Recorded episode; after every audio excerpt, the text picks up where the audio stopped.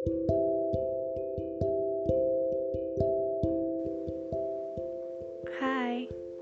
balik lagi sama saya, Ikan. Kali ini bukan tentang saya. Kali ini cerita tentang teman saya. Dia juga punya podcast, namanya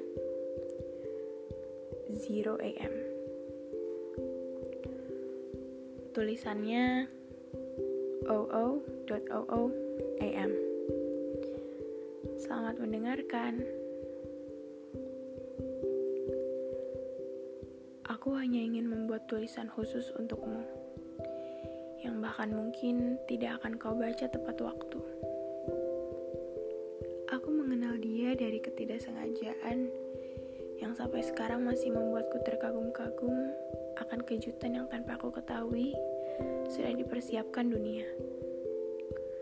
Sosok dia sudah menarik perhatianku sejak awal mula. Kesan pertama yang ditimbulkannya sudah berbeda. Dia hangat. Dia tidak punya niat lain selain menjadi kebaikan. Dia tulus, dan dengannya aku bisa bercerita apa saja tanpa putus. Dia adalah orang yang bertanya, "Apa kabar?" dan betul-betul mau mendengar. Ia tidak pernah mendesak, ia tidak pernah memaksa untuk mendapatkan rasa percaya. Dia sabar. Dia hanya akan membuatmu merasa bahwa ia cukup aman untukmu berbagi cerita. Dia adalah versi manusia dari kata penerimaan. Jangan salah sangka, pada awalnya kami berteman biasa dia sudah cukup lama menjalin hubungan dengan kekasihnya. Dan aku tergila-gila pada sahabatnya. Kami tidak akrab dengan maksud pendekatan. Kami tidak pernah saling menggoda atau menebar gombalan supaya pihak lainnya terbawa perasaan. Dia selalu ada pada masa-masa terkelamku. Ia sungguh-sungguh percaya bahwa aku bisa di saat aku sendiri sudah tidak mampu melihat opsi lain selain menyerah. Dia rela tidak tidur hanya untuk mendengarkan semua cerita yang hanya padanya saja aku nyaman membagikan. Sewaktu orang yang begitu aku cintai dan kasihi ternyata tidak lebih dari sosok yang memanipulasi, dia tidak bosan-bosan mendengarkan.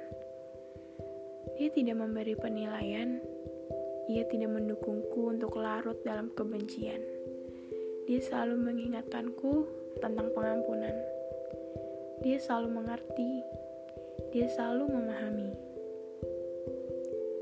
Kami bercerita dan bercanda. Aku mengirim foto dirinya yang lucu, aneh. Sosok teraman yang aku tahu tidak akan menyerah atau meninggalkan. Dia seumpama perapian di rumah kecil di pegunungan. Hangat, aman, nyaman. Dia seumpama tempat perlindungan. Satu-satunya tempat di mana aku bisa rebah dan meletakkan semua senjata. Sebab dekatnya, aku tidak perlu waspada atau berjaga-jaga. Terima kasih. Semoga hubungan ini makin mekar dan berseri. Hari ini mungkin kau akan mendapat kecup cium di pipi dan pelukan dari aku yang membuat hangat hati. Selamat datang untukmu.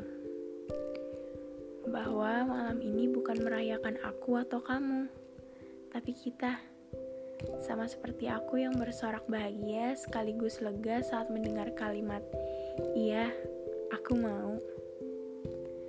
Terima kasih sudah bersinggungan garis takdir denganku. Tidak disengaja dan luar biasa.